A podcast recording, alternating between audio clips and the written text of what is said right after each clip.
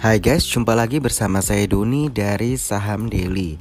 Kali ini kita mau review satu saham yaitu PT Akasya Wira International Tbk dengan kode emiten ADES. ADES, ya benar. Pasti semua udah tahu ya minuman uh, mineral ADES begitu ya.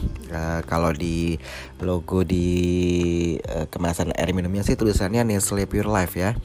Lalu dia juga punya Vika Royal, lalu ada Puril, ada Macarizo. Nah, Macarizo ini yang untuk uh, make up ya, kosmetik ya. Jadi kalau yang cewek-cewek pasti tahu brand Macarizo yang suka ke salon ya. Seperti itu.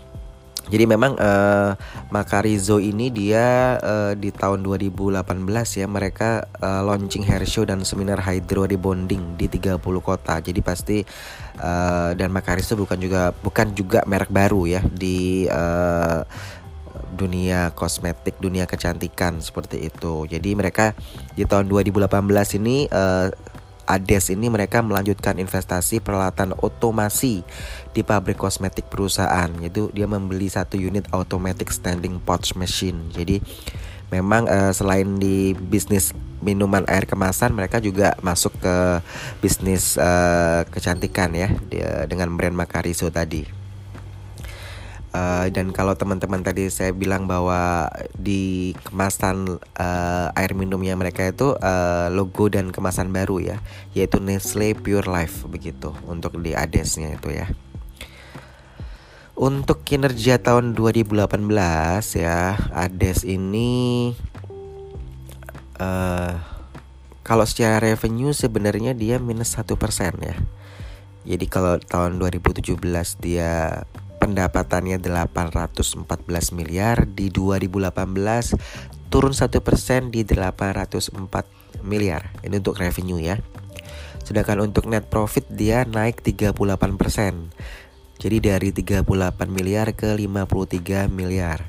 Kita lihat lebih detail lagi di pernya dia di 11,7 lalu dernya di 0,83, ROE-nya sendiri di 11%. Kalau mengenai nilai intrinsiknya di harga 1177 uh, sedangkan harga S per 29 Mei 2019 dia di harga 1050 artinya undervalued harga sahamnya lagi terdiskon seperti itu. Dan pergerakannya uptrend.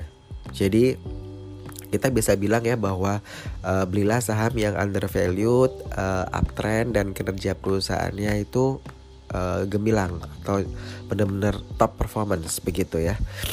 Dan kalau kita lihat uh, lebih detail lagi di tahun 2019 ya, uh, Q1 2019 dia sebentar saya buka uh, datanya.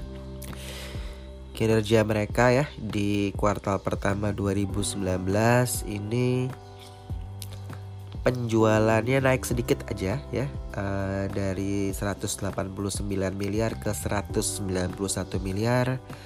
Sedangkan labanya dia naik dari 13,5 miliar ke 17,4 miliar ya.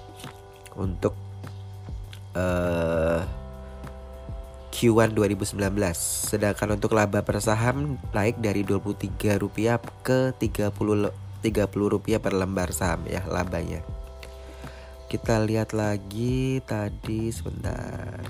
Current ratio dia naik dari 1,39 ke 1,43. Tadi dernya dia dari 0,83 ke 0,73 turun ya.